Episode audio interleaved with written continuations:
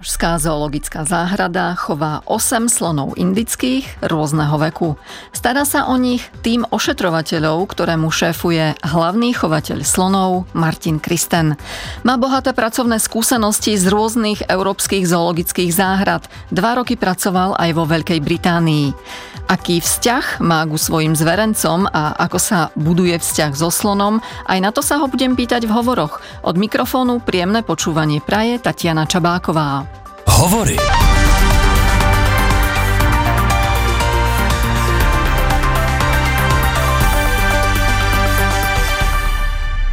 Martine, vítajte v hovoroch. Dobrý den. Vy ste študovali strednú chovateľskú školu v Čakoviciach. Kedy ste sa rozhodli, že sa budete špecializovat na slony? Vlastně až v samotném závěru. Vlastně ve třetím ročníku my jsme vlastně odcestovali v rámci studií na stáž do Belgie v Antwerpách tam jsem se vlastně poprvé dostal úplně ke slonu. Oni nás tam brali víceméně jako, jako plnohodnotné chovatele. Já jsem tam tři týdny vlastně pracoval kolem uh, těch uh, trbských slonů a pak jsem se tam ještě jednou vlastně už po vlastní se vrátil ještě v létě na vlastně vlastní praxi a těch pět týdnů mi dalo hodně a pak už jsem vlastně ten poslední maturitní ročník doufal, že se to místo najde a našlo se. Zkuste špecifikovat, čím si vás získali tou inteligencí. Ta inteligence je opravdu na velmi vysoké úrovni. Říká se, že dospělý slon je inteligenčně na úrovni čtyřletého dítěte, což pokud vezmu potaz svoje vlastně dvě dcery, jak vnímali svět, když jim byly čtyři roky, tak je to opravdu jako pro mě velký fenomén. Opravdu oni ty situace řeší jako zajímavým způsobem, velmi inteligentně a zároveň ta inteligence je úplně odlišná od té lidské. Není to prostě primát, není to gorila nebo orangutan, který je lidem hodně podobný. Oni to řeší vlastně vyloženě sloním způsobem. Aký je ten sloní způsob řešení situací? Samozřejmě strašně silový, je to přece největší suchozemský savec, takže oni vědí, že jsou největší, zároveň jsou i hodně lekaví, že s podívem opravdu, že to velké zvíře, ty tři tuny v případě samic nebo i pět tun v případě samce eh, se dokáže leknout i maličkosti. Keby ste mali popísať nejakú situáciu, aby sme si to vedeli predstaviť, to, čo vy denne napríklad pozorujete v zoologickej záhrade, tie interakcie medzi nimi?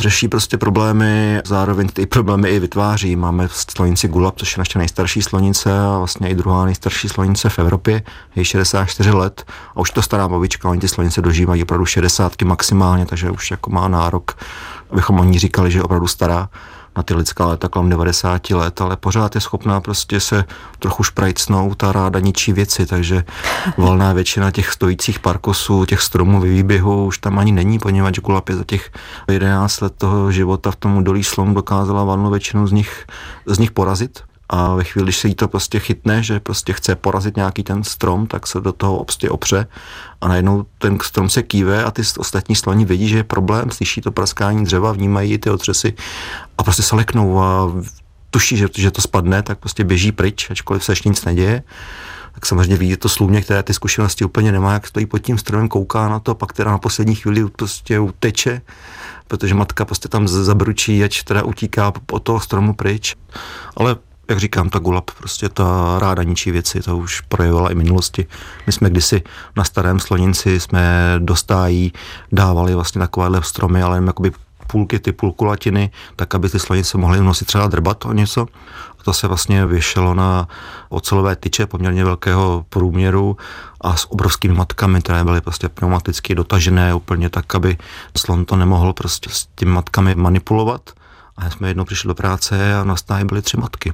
A pak jsme na nočních kamerách zjistili, že ta slonice strávila tři noci tím, že opravdu otáčela těmi matkami, tři noci nespala a pak spokojeně prostě matky zahodila a měla hotovo. A to byla ta gulab. To byla ta gulab. To je šikovnica. Martine, pojďme se teraz pozrieť, ako jsou na tom vlastně zoologické záhrady v Európe. Či musí mať nějaké štandardy, keď chcú chovať slony indické?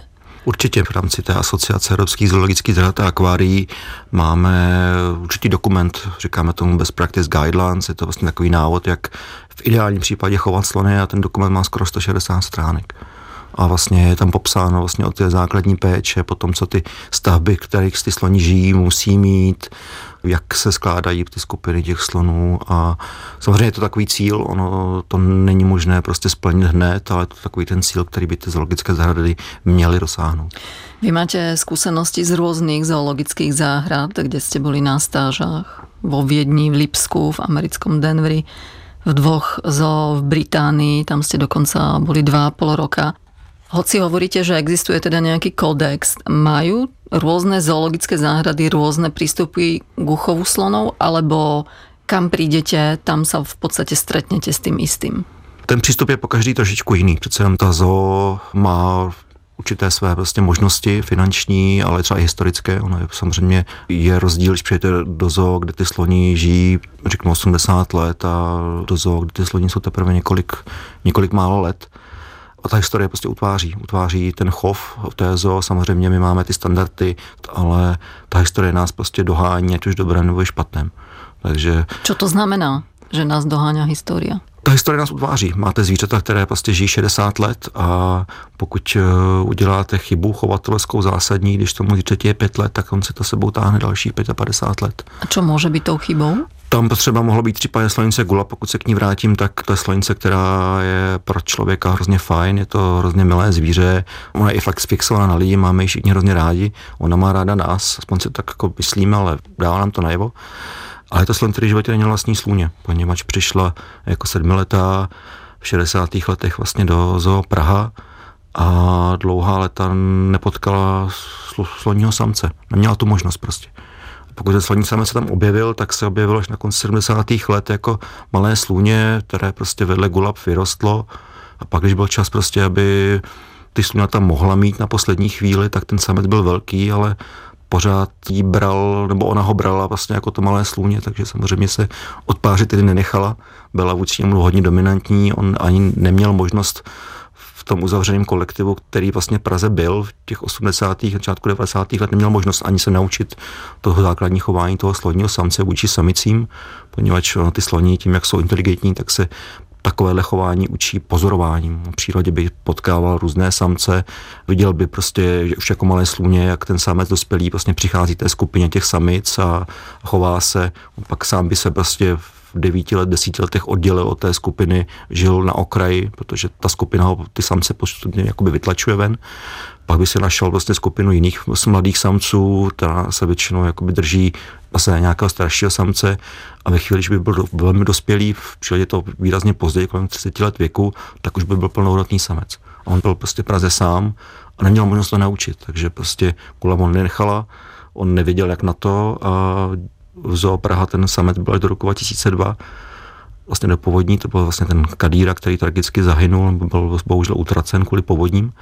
A když jsme pak vlastně pořizovali nového samce, to už byl prověřený prostě plemený samec evropského formátu, tak na Gulab už bylo pozdě na první sluně, ta už byla opravdu stará. Ale Gulab potom, ako som si prečítala, tak sa vlastně starala o slonicu Šanty, která přišla v roku 1977, pokud se nemýlím. 70, máte pravdu, jsem vzali sedmi. Ano, je to skutečně tak, starala se, ale je to vlastně jakoby její poslední jakoby slovo, které se takhle starala a víceméně nemá takovou starost o ty ostatní. Ona je tam ty mladší zvířata, vlastně všechny ty mladší samice a slunata víceméně trpí a ten jejich osud ji úplně jakoby nezajímá. Je to mm-hmm. slon, který vlastně díky člověku, díky těm podmínkám, které vlastně byly v minulosti, tak úplně nedorostl do toho formátu, který mohl mít. Teraz je to už ale jinak, předpokládám. Teď už je to jinak. Teď už prostě se snažíme, aby ten současný moderní chov byl opravdu co nejvíce podobný té přírodě. To znamená, že stavíme vlastně rodinné skupiny ideálně na příbuzenské vazbě, protože v přírodě ty malé slovní skupiny těch slonů indických vytvářejí především ty skupiny na základě určité příbuznosti. Je to většinou stará matka, ta má vedle sebe tři dcery, ty mají další několik potomků a víceméně jsou nerozluční. A pokud ta nejstarší třeba usoudí ta dcera, že už je to tam moc, tak si vezme ty svoje sluňata a udělá si vlastní skupinu. A my jsme v minulosti, řeknu 30 let zpátky, 20 let zpátky, tohle to jakoby neuměli. My jsme prostě posílali mladá sluňata do jiných zoologických bez matky, přicházeli sloni z Ázie zase bez matek a ta zba tam prostě chyběla a vedlo to k problému. Teďka vlastně poslední 15 let už to bereme trochu jinak, už se snažíme, aby ta skupina byla opravdu podobná tomu, co se děje v přírodě a najednou se nám ty sloni jako daří velmi snadno množit až takovým způsobem, že jsme schopni posílat vlastně celé chovné skupiny do, i do Ameriky, což bylo před pěti lety třeba nemyslitelné. Moderné zoologické záhrady chovajú zvieratá, ktoré sú vo voľnej prírode ohrozené a fungujú ako akési banky génov pre tie jednotlivé zvieratá a druhy. Ako sú na tom vo svojom prirodzenom prostredí slony indické, ktoré chováte v Pražskej zoologickej záhrade? Velmi špatně z mého pohledu, protože oni opravdu přicházejí každým rokem vlastně o to přirozené prostředí. Území toho výskytu slonu azijského indického je vlastně v východní Asii, kde opravdu těch lidí prostě přibývá velkým tempem a ty sloni prostě přicházejí o to místo, kde mají žít. A už tuto chvíli je to problém tím, že ta populace těch slonů třeba v té Indii je opravdu velmi roztříštěna a ty slony se přestají potkávat. Takže časem, prostě během těch 20-30 let to bude opravdu jako velký problém. To znamená, že naozaj to bude fungovat tak, že slony budou len v zoologických záhradách? Já se obávám, že tomu dojde časem, že prostě opravdu, dokud se nezmění zásadně to prostředí v těch zemích původu, tak bohužel jakoby o nějakém návratu slonu není prostě možno ani uvažovat. Hosťom v hovoroch je Martin Kristen, vrchný chovateľ slonov v Pražskej zoologickej záhrade. Posloucháte Hovory. Nadčasová povídání s nevšedními osobnostmi.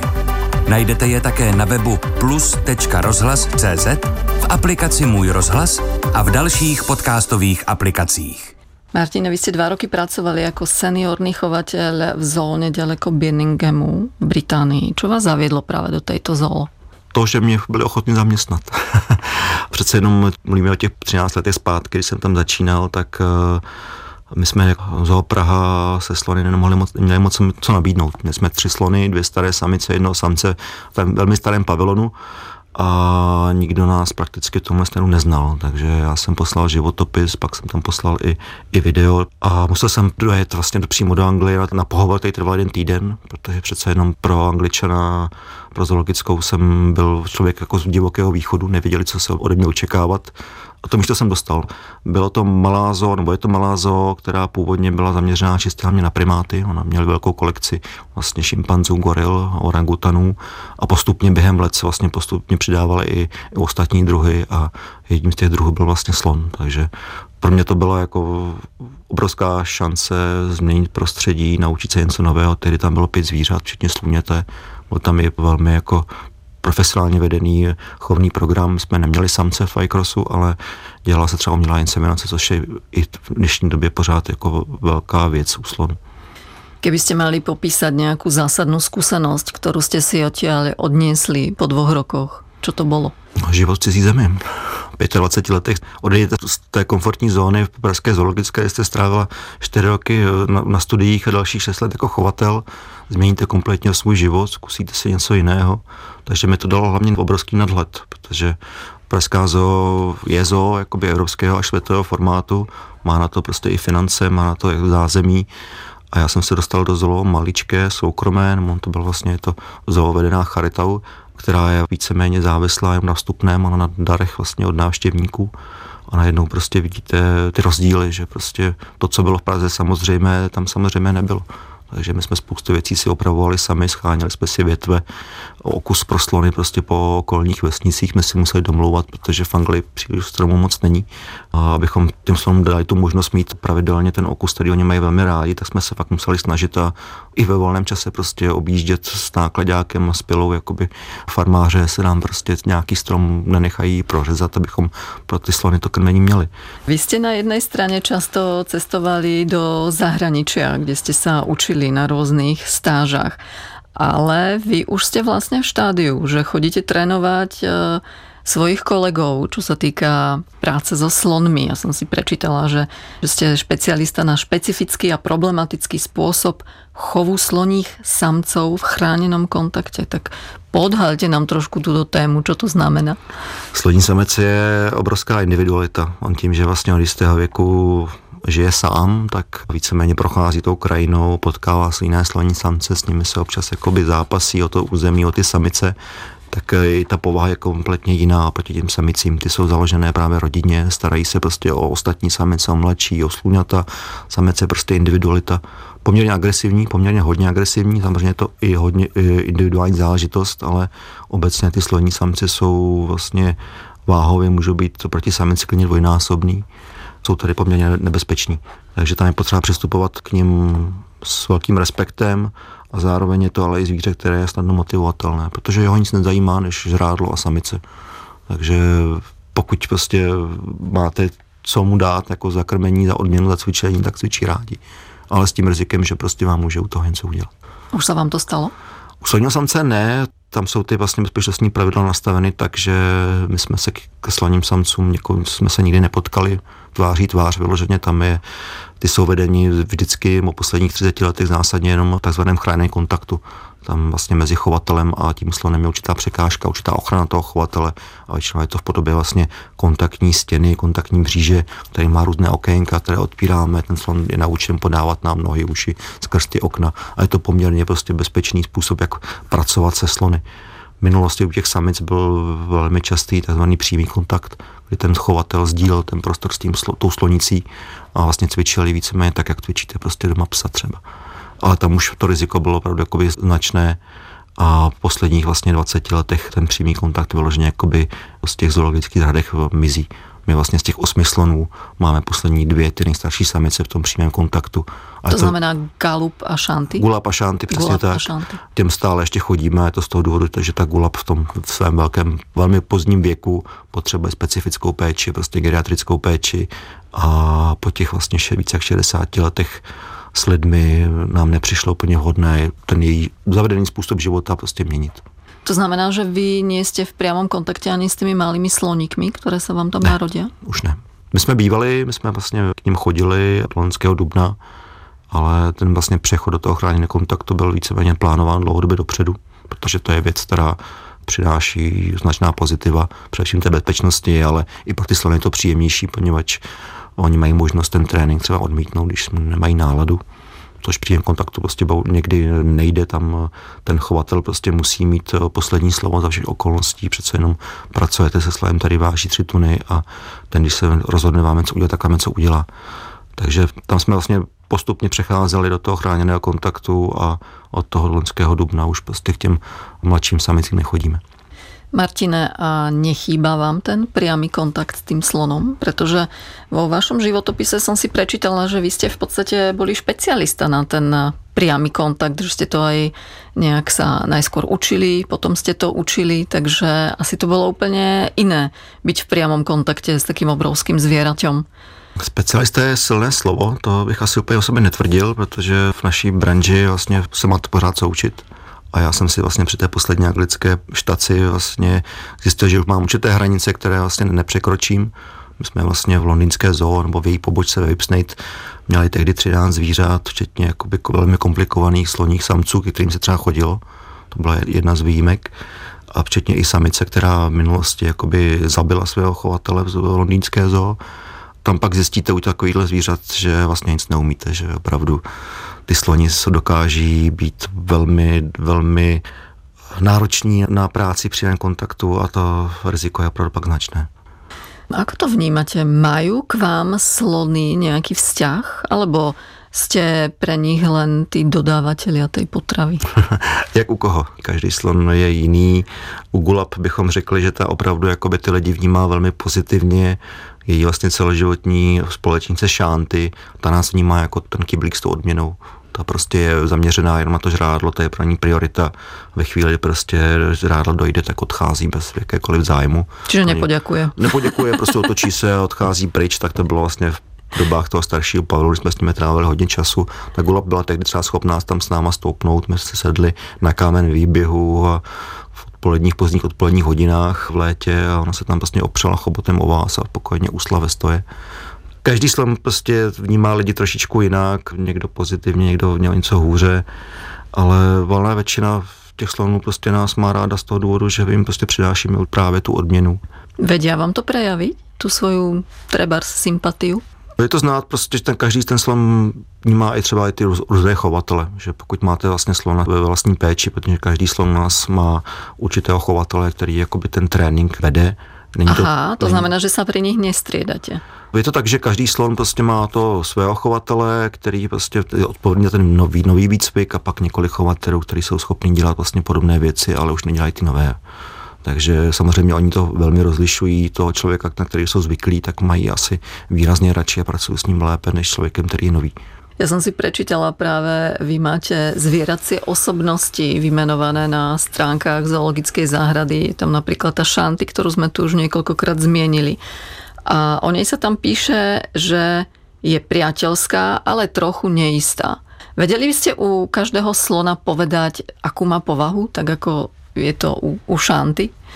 Ano, je to dost podobné to vlastně lidem každý slon je opravdu jiná osobnost a pokud to vezmu jako z chovatelského hlediska, tak i přístup člověka k tomu slonovi měl už na míru tomu zvířeti. To, co vám funguje u osmi, osmi zvířat, vám nebude fungovat u toho devátého.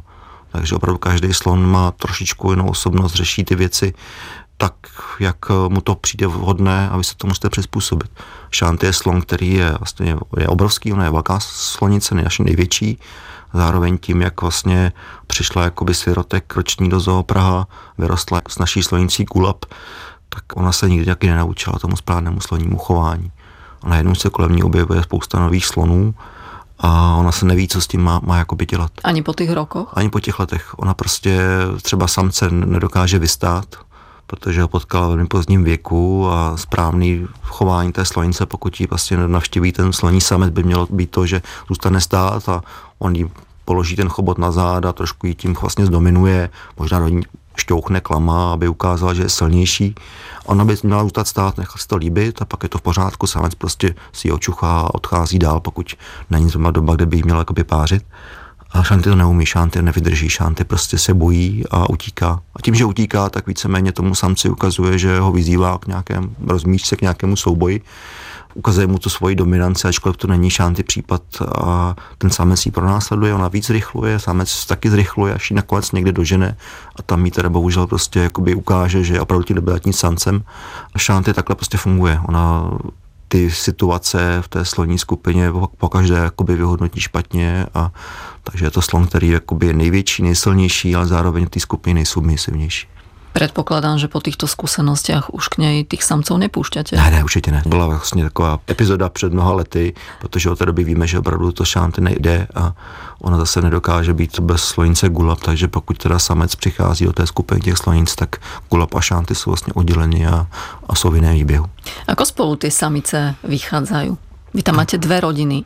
My to máme vlastně jako dvě rodiny, jsme ty samice se znají celý život, oni vlastně spolu vyrostli vlastně na Sílance, to se týká Tamary a Janety, které jsou vlastně matkami našich vlastně posledních čtyř slůňat.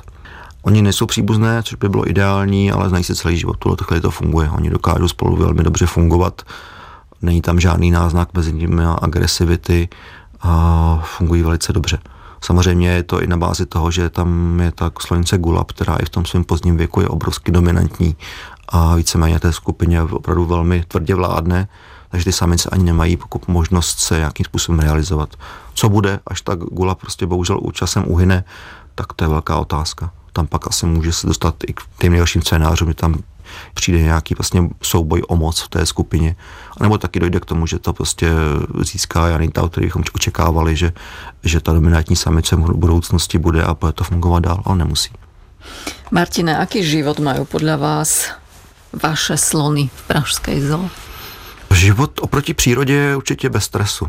To je potřeba říci, že spousta jakoby návštěvníků nebo obecně lidí si myslí, že ta příroda je ten, je ten základ, ale ona příroda je zlá. Zlá příroda je prostě plná každodenního boje o suroviny, o, o, o životní prostor, o zdroje. A u nás to nemají, u nás mají klid. Sloni to mají rádi. Tuto chvíli prostě se opravdu začínáme blížit to složení té skupiny toho, jak by to mělo být v přírodě, takže myslím, že jsou spokojeni. Hostem v hovoroch bol Martin Kristen, vrchný chovateľ slonov v Pražskej zoo. Od mikrofónu hovorov zdraví Tatiana Čabáková.